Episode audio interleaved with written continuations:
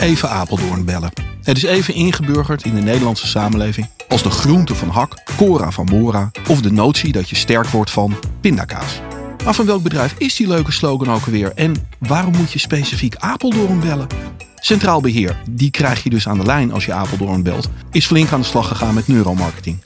Het is mooi wanneer mensen de commercial leuk vinden, maar nog mooier wanneer ze hun verzekeringspolis afsluiten bij de verzekeraar uit Apeldoorn.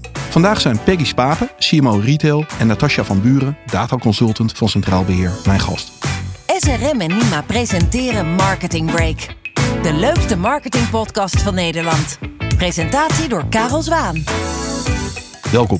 Dankjewel. Dankjewel. Um, ja, uh, maar een hele, hele flauwe openingsvraag. Wat is, uh, wat is uh, Natasja, jouw favoriete even Apeldoorn commercial? Uit, uit al die commercials die gemaakt zijn. Nou, dan zeg je het al, het, al die commercials, heel moeilijk kiezen. Um, ja, dan moet ik er toch eigenlijk ook twee noemen. Eén is Caravan, dat is uh, de allereerste commercial die we hebben gemaakt in 1985. En uh, nou, dat gaat dus over een stel die is op vakantie met de caravan. De man koppelt de caravan los. De, de vrouw zegt iets waardoor die is afgeleid. En de caravan die verdwijnt naar de afgrond. En dan zegt die vrouw tegen die man: Oh, even Apeldoorn bellen. Nou, wat ik daar zo geweldig aan vind, natuurlijk die nostalgie. Hè? Een oude commercial. Maar we hebben hem destijds niet gemeten. Maar ik denk serieus dat hij heel erg effectief uh, zal zijn geweest. Ja, het, het, je zegt 1985 en terwijl je, terwijl je praat, begint er weer iets, borrelt er wel iets van een beeld naar boven. Dat je denkt, oh ja. ja. ja. En de tweede? Want je, je, ja, ja, de tweede is uh, uit 2015. Welkom uh, hebben we die genoemd. Uh, een wat modernere natuurlijk. En wat ik daar ook mooi aan vind, er zit een wat intelligentere grap in. Het gaat over twee dieven die in een heel mooi luxe huis willen inbreken. En het wordt ze eigenlijk te makkelijk gemaakt. Een man die klimt op het hek. En terwijl hij boven die, dat hek ligt te bungelen, gaat het hek vanzelf open. Nou, de lampen gaan open, de auto die start vanzelf. Dus ze begrijpen er niks van. Maar ja, groot feest natuurlijk. Deze inbraak is heel erg makkelijk. En dan snijdt de film naar een man, een uh, succesvolle zakenman. En die uh, zegt van, kijk eens hoe geweldig. Met één app kan ik mijn hele huis bedienen van waar ik ook ben. Nou, en wat daar leuk aan is, is het is een wat intelligentere grap. Ja. Waardoor als je hem vaker ziet, dan blijf je iedere keer nieuwe elementen zien en blijft die leuk. Dat is uh, natuurlijk het idee. En uh, daarnaast ja, zit natuurlijk wat nieuwe technieken in. Ja. Wat ik ook wel uh, heel erg mooi vind. En ja, het heeft ook, wij hebben de oplossing. En dat is natuurlijk ook heel erg belangrijk. Dat waarom bellen ze even Apeldoorn? Nou, als ze ingebroken is in je huis, dan ja. kun je even Apeldoorn bellen en dan hebben wij de oplossing. Ja, gaaf. En bij allebei inderdaad meteen een beeld. Peggy, hoe zit het bij jou? Welke, wat is jouw favoriet? Ik heb ook heel veel favorieten. Um, maar een van de classics vind ik uh, Museum. Een aantal mensen kent die eerder als uh, Voodoo. Uh, want daar zie je een man in een museum. En die komt op een gegeven moment zo'n voodoo popje tegen. En die, die gaat dan in één keer met dat voodoo popje aan de haal. En aan de achterkant staat een, of hangt een portret van, van Clinton. Ja. Uh, nou, dan gaat het uiteindelijk helemaal mis met, uh, met het hele verhaal natuurlijk. Ja. En wat ik zo sterk vind aan die Apeldoorn, dat je dat echt dan voelt. Hoe het misgaat, dat je echt denkt van, oh nee, op het moment dat hij aan het eind dat popje dan met Ja, ja, veel geweld op die spies sabelt. Ja. Nou, Ja, precies. dat is ook een Even Apeldoorn bellen gevoel. Ja. En dan is het natuurlijk altijd de belangrijke vraag, hoe kunnen wij nog helpen? Ja, precies. Ja. Ehm, en eh, een mooie anekdote van, eh, van eh, deze Eva Apeldoorn bellen was dat het Witte Huis naar ons reageerde. En uiteindelijk kregen we een hele mooie brief van het Witte Huis. Omdat we natuurlijk in het montage hadden we natuurlijk footage van, van Clinton gebruikt. En dat was niet allemaal afgestemd.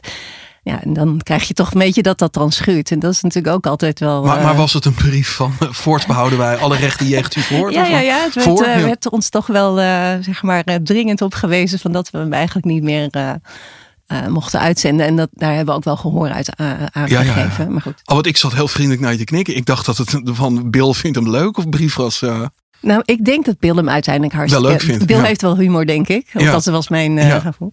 Maar eh, nou, dat zijn altijd leuke anekdotes die om een eh, commercial... Want de commercial is natuurlijk aan de ene kant om je merk natuurlijk in de etalage te zetten. Maar wat wij natuurlijk heel graag willen is dat er ook over ons wordt gesproken. En dat moet natuurlijk in een beetje in een balans, hè, niet op een hele negatieve manier. Uh, maar dat is natuurlijk altijd bij een even Apeldoorn bellen, waar, waar je ook een beetje dat schuurmoment wil opzoeken. Ja, hey, en nou uh, ja, waarschijnlijk uh, een, een, hele goede nummer twee, of waar jullie in ieder geval op dit moment heel erg mee bezig zijn. We nemen dit op in, in augustus 2022. Vorige week is de, de nieuwe commercial live gegaan een container, de Maaskade en de Maasstraat, eh, dat, eh, dat blijkt nogal uh, ja, tot, tot verwarring te, te leiden. Um, met, wie hebben jullie die, met wie maken jullie die commercials? we maken de Even Apeldoorn bellen. natuurlijk als je vanuit het script en, en de hele campagne doen we samen met DDB Unlimited in Amsterdam. Ja. Um, en de productie van uh, container nummer 62 alweer uh, was in handen ja. van uh, Pink Rabbit. Okay. En nou, we kiezen natuurlijk ook altijd een regisseur. En dat is vaak een combinatie mm -hmm. van regie en, en, productie. Was met Isabel Heuvel. Dus ja, we hebben daar volgens mij iets heel moois neergezet. Donderdag was de lancering. Ja. En ja, hebben we aan de ene kant doen we dat intern met onze mensen. Want het is toch ook wel hè, Apeldoorn trots. Ja. Hele merk. En ook na de twee jaar coronajaar is het natuurlijk ook altijd weer fijn om iedereen uh, op kantoor weer uh, te krijgen. En mensen enthousiast te laten zijn. Ja. Hey, en let jij ergens op uh, bij, de, bij het personeel? Of op het moment dat je dat laat zien? Um, nou, wij stonden zelf toevallig in de studio, dus dan maak je dat, hè, dat is dan uh, om je heen. Uh, ja. Wij hebben een interne studio ja. in uh, Apeldoorn. Uh, en uiteindelijk ook met een livestream. Maar wat we natuurlijk merken is, is we hebben iedereen daar te, ter plekke opgeroepen om uh, te delen. En dat doet iedereen ook. En dat is dan zeg maar, weet je, zo'n lancering is zeg maar een half uurtje met uh, ook ja. de backstories en de verhaal eromheen, hoe we ertoe zijn gekomen en waar het toe dient. Dus daarna krijg je gewoon heel veel enthousiaste mensen van je nou, binnen, het, ja. binnen het bedrijf. En in de markt zien we dat natuurlijk ook terug. Dat is natuurlijk het mooie van als je dingen online ja. ook lanceert. Zie je daar meteen de reacties. En dat is altijd vooral het spannende van hoe reageert Nederland erop. Ja. Uh, en je ziet creatief Nederland erop reageren natuurlijk. Uh, hoe reageert Nederland en ja. de consument daarop. En uh, nou, daar gaat het natuurlijk ons vooral natuurlijk om. Ja, want Natasja, jij zei net over een van de twee van jouw favoriete commercials hè, uit die 2015. Die grap is wat intelligenter noemde je dat. Deze lijkt wel weer, weer net weer een notch moeilijker te zijn om te snappen Hè, uh, voor de mensen die denken van welke is het ook alweer? Er, is een chauffeur, hè, uh, die heeft een container aan de Maasstraat opgehaald en niet aan de Maaskade. Nou, ik maak er maar van dat het een student is. En het laatste beeld is dat je een groot containerschip ziet wegvaren met een raampje waar een jongen net enigszins katerig wakker wordt op weg naar, naar een bepaald uh, buitenland. Maar die moet je wel echt meemaken. Is dat weer een bewuste keuze geweest, uh, Natasja, in het uh, proces? Uh, ja, dat is zeker wel een bewuste keuze geweest. Maar het is ook heel belangrijk inderdaad dat de mensen het begrijpen. En op een gegeven moment ben je er zelf zo mee bezig hè, als team... Ja. dat je dat eigenlijk niet meer kan bepalen. En dan is het juist super belangrijk om dus onderzoek te doen. En dat doen we dus ook uitgebreid. Om dus ook te kijken of mensen het begrijpen. En als het dingen niet duidelijk zijn. Waar zit hem dat dan in en hoe kunnen we dat optimaliseren? Ja, want weet je specifiek voor deze commercial, hè, we gaan straks natuurlijk nog veel meer op effectmeting in en dat soort dingen. Maar voor deze, hoeveel procent van de mensen denken jullie, jij Natasja of jij Peggy, dat hem niet begrijpt? En tot wat is het acceptabel? Oeh, ja, dat is een hele lastige vraag. Uh, we hebben er niet echt een ja, een percentage, dat weten we niet. Dus dat is ook nog wel een beetje afwachten. Tijdens de campagne doen we onderzoeken waar we ja, dat echt meer in, uh, inzichtelijk hebben. Uh, nu weten we in ieder geval dat het grootste gedeelte het begrijpt, het grappig vindt, de grap meekrijgt. Uh, dus ja, dan hebben wij er een goed gevoel over. Ja. Heb, je, heb jij er iets van in je hoofd? Iets van nou, 80% moet het snappen of, of is 51 genoeg? nou, ik vind het wel belangrijk dat een heel groot deel van de mensen die het ziet eh, het echt wel eh, snapt. En wat natuurlijk vaak met een uh, commercial is, die, zoals dit, in dit verhaal zit een snijmoment. En dat is altijd even, dat hoop je dat mensen dat natuurlijk even snappen. Van, hé, hey, we gaan van beeld A naar beeld, B. Want in deze commercial, hè, we zijn er eigenlijk maar twee locaties feitelijk. Ja. Um, dus op het moment dat je snijdt, in elke film is dat, dat mensen in één keer denken, oh, dit is misschien wel een andere tijd. Of ja. waar zit ik nu naar te kijken? Dus het roept dan meteen vragen op. Dat moet je natuurlijk in de, in de edit zo strak mogelijk regisseren. Ja. En antwoord op je vraag van, uiteindelijk is het dat maar een heel klein percentage die het niet snapt. Want mensen zien het natuurlijk vaak Vaker. meerdere keren. Ja. Daar doelen we natuurlijk ook op met onze mediastrategie. Dat mensen natuurlijk meerdere keren zien in een campagneperiode van drie, vier weken Dus wat dat betreft, voor degene die het even niet heeft begrepen, die, die zie je dan vaak ook wel zeggen van, ik heb nog een keer gekeken en oh ja, oh zo zit het in elkaar. Ja, nou hebben wij elkaar tijdens een nieuwe marketingdag wel eens gesproken over boardroom marketing. Mhm. Ehm, zeg maar even als, als leider van dat team. Hoe stem jij zo'n commercial als dit? Wanneer laat jij hem aan de, de, de, de baas aller bazen binnen Centraal Beheer uh, zien? Is dat al helemaal aan het begin een script? Of juist helemaal als hij klaar is, nou dit is maar er is niks meer aan te veranderen? Waar ongeveer? Ehm, we nemen ehm, tussentijds, op het moment dat we zeg maar de, het concept kiezen, nemen we best wel wat mensen mee intern, hè, het management directie. Ja. dan geven we aan van, nou, we hebben de commercial getest en wij hebben deze gekozen. Ja. En soms wordt daar dan nog wat argumentatie om gevraagd. De final uh, edit, die zien, ziet zeg maar eigenlijk onze raad van bestuur.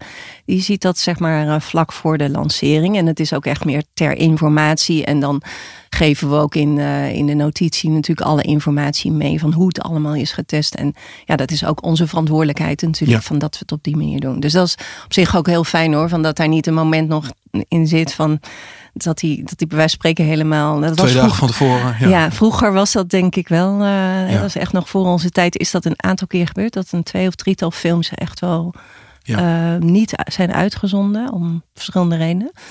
Uh, en nu is dat proces al op een andere manier. Dus je neemt mensen wel mee. En uh, ja, je wil ook natuurlijk van.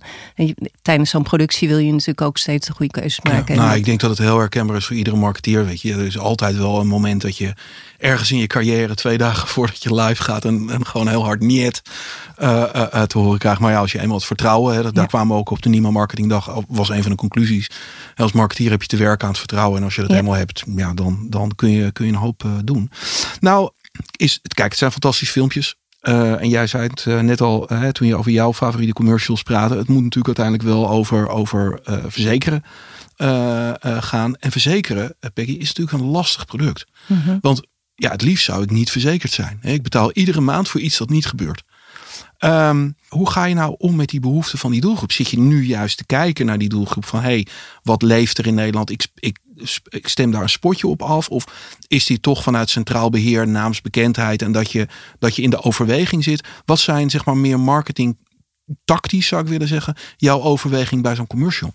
Um, afgelopen jaren hebben we daar uh, echt wel een change in gebracht. Vroeger, zeg maar tien jaar geleden, was het echt steeds het merkmoment. Hè, Waar dan geld voor werd vrijgemaakt. En dat uh, zeg maar het marketingteam werd gevraagd om uh, vanuit het merk, de, de merkkapjes natuurlijk weer aan te, aan te scherpen. Nu zijn we sinds 2018 echt in een hele grote transitie. Hè. Dat centraal beheer ken je inderdaad van verzekeren. En dat is natuurlijk primair wat het verhaal van Eva Apeldoorn bellen eigenlijk natuurlijk indirect in beeld brengt. Hè. Er gaat iets mis, een groot oepsmoment. Ja. Daar ben je uiteindelijk voor verzekerd. Maar als je het verder trekt, Even Apeldoorn bellen betekent voor ons echt van hè, we zijn heel toegankelijk. We zijn er voor onze klant, voor onze consument. En eigenlijk willen we die boodschap zeg maar verder stretchen naar het feit dat we naast verzekeringen en financiële diensten doen en ook allerlei dienstverleningen. Bij wijze van spreken ook als je, als je je huis gaat uh, verduurzamen, hè, willen we er ook voor de consument zijn. Dus even Abaddon bellen is de afgelopen jaren echt gestretched in de betekenis hè, dat we veel meer daarop gaan zitten. En dat het niet alleen maar per se een verzekeringssituatie moet zijn. En want natuurlijk hè, gaat het erom voor ons eigenlijk van we willen de consument helpen. En dat gaat, kan verder gaan dan alleen verzekeringen.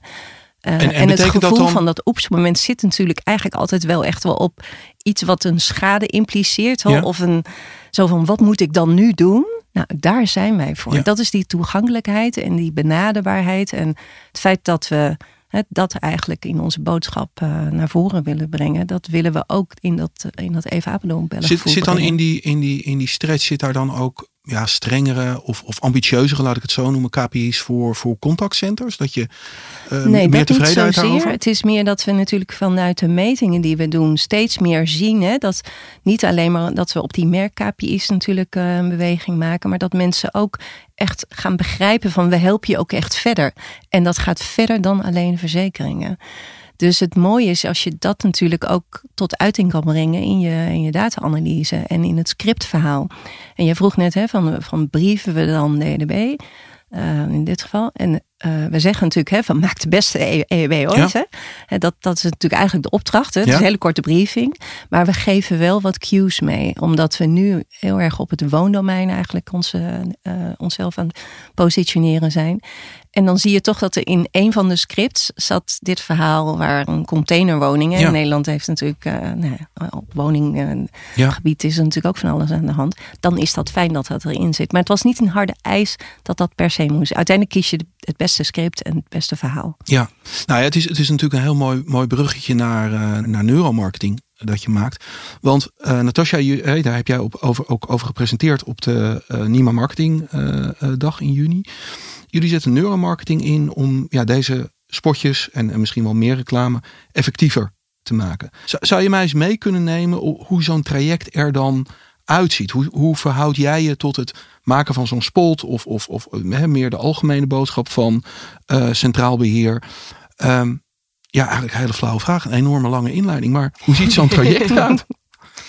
Ja, um, ja hoe, het eigenlijk, hoe ik me verhoud tot het team, is dat het team is natuurlijk heel erg bezig met de creatie. Zij willen de mooiste Eva Apeldoorn commercial maken die, uh, waar iedereen over praat. Ja. Uh, waar ik mij vooral mee bezig hou, is, is die ook effectief? En vinden mensen hem ook echt leuk? Irriteren mensen zich er niet aan? valt hij goed in de markt? Maar vooral ook, is hij effectief? Doet hij voor ons wat hij moet doen? het kost geld, dus het moet ook gewoon wat opleveren. En dat wordt natuurlijk steeds belangrijker. Dus wat wij nu sinds een aantal jaren al doen, is dat wij uh, voordat uh, we überhaupt beginnen met uh, het filmen van een commercial, dan zit je dus echt in de ideeënfase, gaan wij al een pre-test doen met inderdaad neuromarketingonderzoek. Um, dan hebben we dus nog geen filmmateriaal, dus we hebben moving storyboards, eigenlijk schetsen met een voice-over. die worden van de beste ideeën die wij hebben uitgekozen, of het team heeft uitgekozen, ehm, die worden uh, uitgewerkt. En dan worden die um, ja, aan mensen laten zien, testpersonen, die liggen in een MRI-scan. Ja.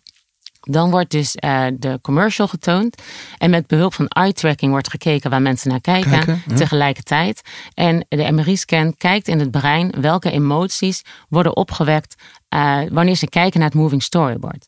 En waarom het heel belangrijk is om in het brein te kijken in plaats van mensen dingen te vragen, zeker in deze fase. Op het moment hebben we ook wel eens gedaan, als je moving storyboard gewoon aan mensen gaat vragen, wat vind je hiervan? Dan zeggen mensen, oh ja, ik zou hem toch verfilmen. Het is een tekenfilm, dat is niet zo handig. Of ze vallen over dingen waarvan, ja, maar we zitten in een andere fase. Uh, dus wat voor ons heel belangrijk is, is welke emoties worden opgewekt. Want aan de hand van die emoties, en wij doen dat samen met Neurensics. En Neurensics die uh, kan 13 emoties herkennen in de hersenen. Dus zij weten eigenlijk hoe, die, hoe dat breinpatroon eruit ziet op het moment dat een bepaalde emotie wordt geactiveerd. En door die emoties kunnen we bijvoorbeeld zien, trekt de commercial voldoende aandacht. dat is natuurlijk eigenlijk de eerste voorwaarde. Uh, maar daarnaast ook um, in hoeverre uh, uh, werkt het positieve emoties op en in hoeverre werkt het negatieve emoties op. En het is belangrijk als je een effectieve commercial hebt, dat die meer positieve dan negatieve emoties opwekt. Dat is eigenlijk vergelijkbaar. Je kent de theorie wel van als je in een winkel bent, hè, je moet de voordelen moeten groter zijn dan de nadelen, de kosten, want anders ben je niet geneigd om te kopen. Nou, zo werkt het eigenlijk ook in het brein als je naar een commercial kijkt. Neem ik je toch heel even mee terug, hè? want jij, jij ziet dat voor je, je bent daar natuurlijk uh, uh, bij geweest. Maar een hele flauwe vraag, hoeveel, hoeveel mensen test je dat dan? Zijn het er dan drie, vijf, zeven? Uh, doet dat met 24 mensen.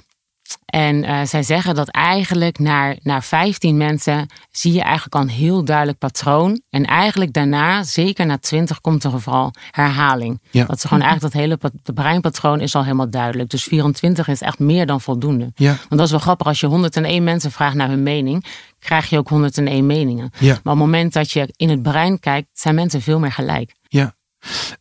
Ja, dus, dus ook, want ik zat aan segmentatie te denken. Hè, van, mhm. van uh, als het nog mag, mannen, vrouwen of lange mensen, kleine mensen. Uh, uh, leg je dat er nog naast? Of is het nee, de mens reageert zo op deze commercial? Nou, wat ze voor de zekerheid wel doen, is gewoon geprobeerd een beetje een uh, gemêleerd gezelschap uh, te hebben. Hè, Van mannen, vrouwen, jong, oud. Ja. Uh, er zijn natuurlijk wel verschillen. maar over het algemeen, kijk, ik, ik, vergelijk het altijd bijvoorbeeld met een, noem maar een leeuw of een haai. Als jij die zowel op tv ziet als in het echt, iedereen krijgt angst. Dan kun je heel stoer zeggen, nee, bij mij niet. Ja, iedereen krijgt angst. En zo is het dus dat die emoties eigenlijk bij iedereen worden opgewekt. En die kleine verschillen, ja, dat pak je dus met 24 testpersonen. En heb jij dan van tevoren bijvoorbeeld een lijstje van, ehm, ik kan me voorstellen, even Apeldoorn, hè, daar, moet, daar moeten mensen moeten hem grappig vinden. Ja, ik weet niet of dat een emotie is, maar er moet in ieder geval iets van, van humor uh, uh, in zitten. Hebben jullie daar een soort checklist van dit moet het in ieder geval zijn en dit mag het nooit zijn? Of nou, wat we dus heel erg belangrijk vinden is dat die aandacht trekt. Ja? Dat is sowieso heel belangrijk natuurlijk bij reclame. Maar wij willen heel graag dat er over gesproken wordt en dat mensen hem lang onthouden. Uh, en daarnaast moeten dus echt voldoende positieve emoties worden opgewekt. En um, want bij humor is natuurlijk ook altijd wel een hele spannende. Humor ligt dicht bij leedvermaak, Ja. wat juist weer die negatieve emoties heeft. Dus daarom is het heel belangrijk dat mensen wel uiteindelijk er blij van worden. Want dat wordt gekoppeld aan ons merk. Ja, precies. Hey, en ehm, want hoeveel had je er ook alweer? eh test je dan hoeveel van die borden? Hoeveel van, van die stories? Van die, van die... Nou, meestal hebben we twee of drie ideeën waarvan we zeggen, nou die vinden we zelf echt heel goed. En die gaan we dan testen. En nou, eigenlijk is het altijd wel zo dat de beste die uit de test komt, die gaan we vervolgens verfilmen. En dan hebben we hem eh, verfilmd. En dan gaan we nog een keertje eh, mensen in de MRI, weer 24 mensen gaan kijken naar de verfilmde versie. En eh, bij de concepttest is dus eigenlijk het belangrijkste welke van de twee scoort het beste, is het Ja. meest effectief. Dus die kiezen we. En bij de ad-test, dan is dus de verfilmde versie. En dan gaan we kijken hoe kunnen we hem nog verder optimaliseren. Ja. Hè, dus we zien een klein beetje irritatie ontstaan. Hoe kan dat? Welke scène zit dat? Oh, kunnen we misschien die scène eruit halen of wat kleiner maken? Of we verliezen de aandacht. Oh, dan moeten we die scène wat inkorten. Dus op die manier proberen we de effectiviteit nog te verhogen eh, als we al gefilmd hebben. Ja, hey, en Peggy, gebeurt het dan wel eens dat je stiekem verliefd bent geworden op een van die storyboards? En ik denk, oh ja, dat is een geweldig idee. Heel vaak, Ja? heel vaak. Je ziet ook, eh, en wat ik ook in, in, eh, in het begin even noemde in de podcast, van dat je een aantal mensen nemen we al mee. En dan krijg je natuurlijk al eh, ja, stemmen voor, oh deze is grappig en, deze vind ik leuk. Ehm, en in dat store, in, in, eh, tijdens die, eh, die test hè, ze komt, komt daar soms ge- gewoon hele andere dingen naar, naar boven. En dus is het ook fijn om eigenlijk een beetje twee uitersten soms te testen. Hè? Omdat je, ja, iedereen heeft al zijn voorkeur. Maar je wil natuurlijk fact-based uiteindelijk Ja. naar boven krijgen van wat is nou het beste verhaal. En dat als je, jij vertelde net over die air-test, hè, die is ook heel belangrijk. Omdat in de treatment van de hele productie tot aan zeg maar die final verfilming komen ook vaak nog heel veel andere componenten worden toegevoegd aan het verhaal. Want dat gebeurt tijdens de set. Dat een acteur op een fantastische manier iets teweeg brengt hè, in, eh, tijdens de verfilmen. Eh, ja, dan heb je zeg maar heel veel mooie pareltjes die ertussen zitten in de conversatie of in nou, hoe het in beeld is gebracht of de emotie die, eh, die in, in beeld wordt getoond. En die kan in de test dan soms net even schuren of niet. ja. Of dat je juist daar een betere balans in moet kiezen van die positieve en negatieve emoties. Want dat moet een soort flow in het verhaal zijn. Je moet af en toe zeg maar die, die positieve emoties opwekken, maar ook dat mensen even iets voelen. En uiteindelijk, belangrijk aan het eind, dat er natuurlijk een goed gevoel eindigt. Hè? Met, want dat is het uiteindelijke gevoel van Eva Apeldoorn. Ja. Van dat wij er uiteindelijk zijn om je te helpen. En, en nemen jullie dat, ehm, dat, dat gevoel van, van uiteindelijk te helpen en dat moet door deze emoties. Ja. Ehm, bijvoorbeeld een regisseur, krijgt hij al die informatie? Of ja, is dat dan toch weer overkill? En nou, hij krijgt als het goed is. Of zij? Het toch? ja, hij ja, of zij, ja, ja. dus, eh, dat klopt. Hij of zij, de regisseur krijgt eh, zoveel mogelijk natuurlijk wel informatie mee, maar je ziet ook dat we hem creatieve vrijheid natuurlijk geven. Want de, het mooiste is ook dat je het ook een beetje laat ontstaan natuurlijk, de chemie van de acteurs op elkaar, hoe, hoe dat gesprek gaat. En je neemt heel veel eh, momenten natuurlijk van, van de scènes op verschillende manieren op. En daar kies je uiteindelijk de beste mix in. Ja. En daarom is die ad-test zo belangrijk. Want Ja. die is toch vaak net even anders dan, dan zeg maar het conceptverhaal. Want dat is natuurlijk het ruwe verhaal. Ja. En het uiteindelijke verhaal is natuurlijk die verfijning. En na die ad-test zie je ook dat we daar nog echt wel soms hele belangrijke secondetweaks moeten maken. Dat is natuurlijk ook essentieel. We hebben Ja. maar 40 of 60 seconden om het verhaal te vertellen. Ja. Zeg maar, de totale Ja. film is meestal 60. Maar in 40 seconden moet hij het ook goed kunnen doen. En liefst ook nog in een 20 als je de online versies eh, bekijkt. Dan, dan, dan luistert zo'n final test heel nauw. Ja, en eh, Natasja, zitten er, hè, want we hebben het nu over final test, over secondes en dat soort dingen. Laten we even, laten we even hoe noemen jullie hem? Container? Of Container, container? inderdaad. Nou, ook nog een goede titel geraden. Eh, als je naar container kijkt, heb jij nou dingen waarvan je zegt van, oh ja, dat zat in het storyboard of dat zat in het filmpje wat we er uiteindelijk uit hebben gehaald, bepaalde scènes, of juist in hebben gebracht? Nou, als je kijkt wat wel leuk is, is bij de Moving Storyboard bij het testen hadden we één versie die noemden we hond en één versie was dus container die het uiteindelijk geworden is. Nou, wij waren allemaal heel erg enthousiast over hond, omdat de versie hond dat ging over een lief schattig hondje. Nou, we weten allemaal, baby's en hondjes, dat doet het heel goed in de reclame. Dus wij dachten, nou, dat is Ja, ik word nu al week. Ja. Maar uiteindelijk uh, bleek dus wel dat mensen heel erg betrokken raakten bij dat hondje. Maar de afloop van het hondje, dat ga je natuurlijk zelf invullen, want dat doen wij uh, in de commercial niet. Maar dat zou wel eens een hele nare afloop kunnen zijn. Dus daardoor was die eigenlijk helemaal, was het helemaal geen goed verhaal. Dus daarom hebben we voor container gekozen. En wat we bij container in de ad-test vooral hebben gezien. Nou, je gaf het al aan, het is best een ingewikkeld verhaal. Dat kwam er aan het begin ook wel uit. Dat ja. uh, mensen uh, het lastig vonden om te volgen. En wat we daarvoor hebben gedaan, is wat minder uh, geswitcht tussen scènes. Dus wat langer gebleven op dezelfde plek, waardoor het verhaallijn wat eenvoudiger werd. Ja. dus dat is een hele belangrijke die we hebben gedaan. En wat ook nog wel een hele grote verandering was. In eerste instantie eindigden we met het beeld van de student uh, op de, in de container op de boot. Maar toen merkten we dat mensen dachten: en wat heeft Centraal Beheer nou precies te bieden? Waarom kunnen we die student dan zo, waarom kunnen zij die student dan zo goed helpen? En dat hebben we dus veranderd door te eindigen met de baas van het bedrijf, die dus die fout heeft gemaakt. Ja. Wat wij wel weer heel logisch kunnen oplossen. Ja, ik ben echt blij dat je die hond niet hebt gemaakt. Want wat ik wel eens tegen jullie heb gezegd. Ik, ik ben nog steeds, wil ik weten hoe het met die arme jongen af is gelopen uit de vorige. Die dat blikje weggooit. Ik wil weten hoeveel jaren heeft hij gekregen. Vrij, hè? Die loopt ja, precies. Vrij, ja, nee, mijn vrouw zegt altijd van die, is, die heeft gewoon betaald. Ja, die heeft betaald gekregen. Ja. Uh, um, en, en het, als, je, als je nou gaat kijken naar het, uh, naar het resultaat. Hè? Misschien zijn er al eerste uh, uitkomsten. En anders van die, van die vorige uh, uh, commercial. Um, hoe leg je dat dan naast elkaar? Dat het ook het echt het effect uh, gehad heeft. Zitten daar nog wel eens verschillen in? Ja, zeker. Wat wij doen tijdens de campagne, dan doen wij een heel ander onderzoek. Dan gaan we toch uh, mensen vragen stellen. Uh, zeker ook omdat dat gewoon makkelijker is. Hè? Ja. Echt een echte commercial kunnen mensen gewoon makkelijker beoordelen. Uh, dan zien we dat, nou ja, 9 van de 10 keer dat die echt wel impactvol is. En dat die heel veel de aandacht trekt. Maar we zien ook wel eens soms nieuwe dingen. Omdat mensen, ja, de echte versie is sowieso wat anders. Mensen hebben wat vaker gezien en ze geven hun eigen mening. Heel anders natuurlijk als je in het breinpatronen kijkt. En wat we ook doen is de effecten dus echt in kaart brengen. Dus we kijken naar mensen die de commercial wel en niet gezien hebben. En dan stellen ze vragen over uh, wat hun beeld is van centraal beheer. En daarmee brengen we het in kaart. Bijvoorbeeld Freedom, de uh, laatste waar we al wel Ja. het effect van in kaart hebben gebracht. Hebben we gezien dat die een heel mooi effect had op het aantal mensen waarbij wij als merk top of mind zijn. Dus dat is een heel sterk effect. Ja, dat weet je niet helemaal. Want het had ook de spontane bekendheid kunnen zijn dat mensen niet meteen als eerste aan jou denken, maar wel jou uh, in gedachten hebben. Dus welk effect precies, uh, dat is natuurlijk van tevoren lastig in te schatten. Die had dat, daar een heel mooi effect op. En we zagen ook mooie effecten op uh, de verkoop van verzekeringen. Ja. verzekeringen. En wat deze gaat doen, ja, is ook wel weer heel spannend. Ja, want uh, wat Peggy net zei, hè, van die, uh, die, die wat, ja, ik noem het maar even gestretchte dienstverlening. Hè, van bel ons ook als je het over verduurzamen van je huis wil uh, spreken, dat soort zaken. Heb je daar nog iets van, van metrics voor opgesteld in, in, in de associatie naar centraal beheer, waarvan je denkt van ja, het is mooi als we daar naartoe groeien. En hoe meet je dat dan? Ja, daar hebben wij een heel ander onderzoek uh, voor. Dat is zeg maar een, uh, een merkstrategieonderzoek. Brand Health noemen we dat. Doen we met Memo 2. En daar uh, vragen we uit aan welke merken, organisaties denkt u als u bijvoorbeeld uw huis wilt verduurzamen, zonnepanelen wil kopen, maar ook een autoverzekering wil sluiten. Allerlei situaties waarin wij relevant willen zijn, die vragen wij uit. En dan kijken hoe vaak wij genoemd worden en welke andere merken genoemd worden.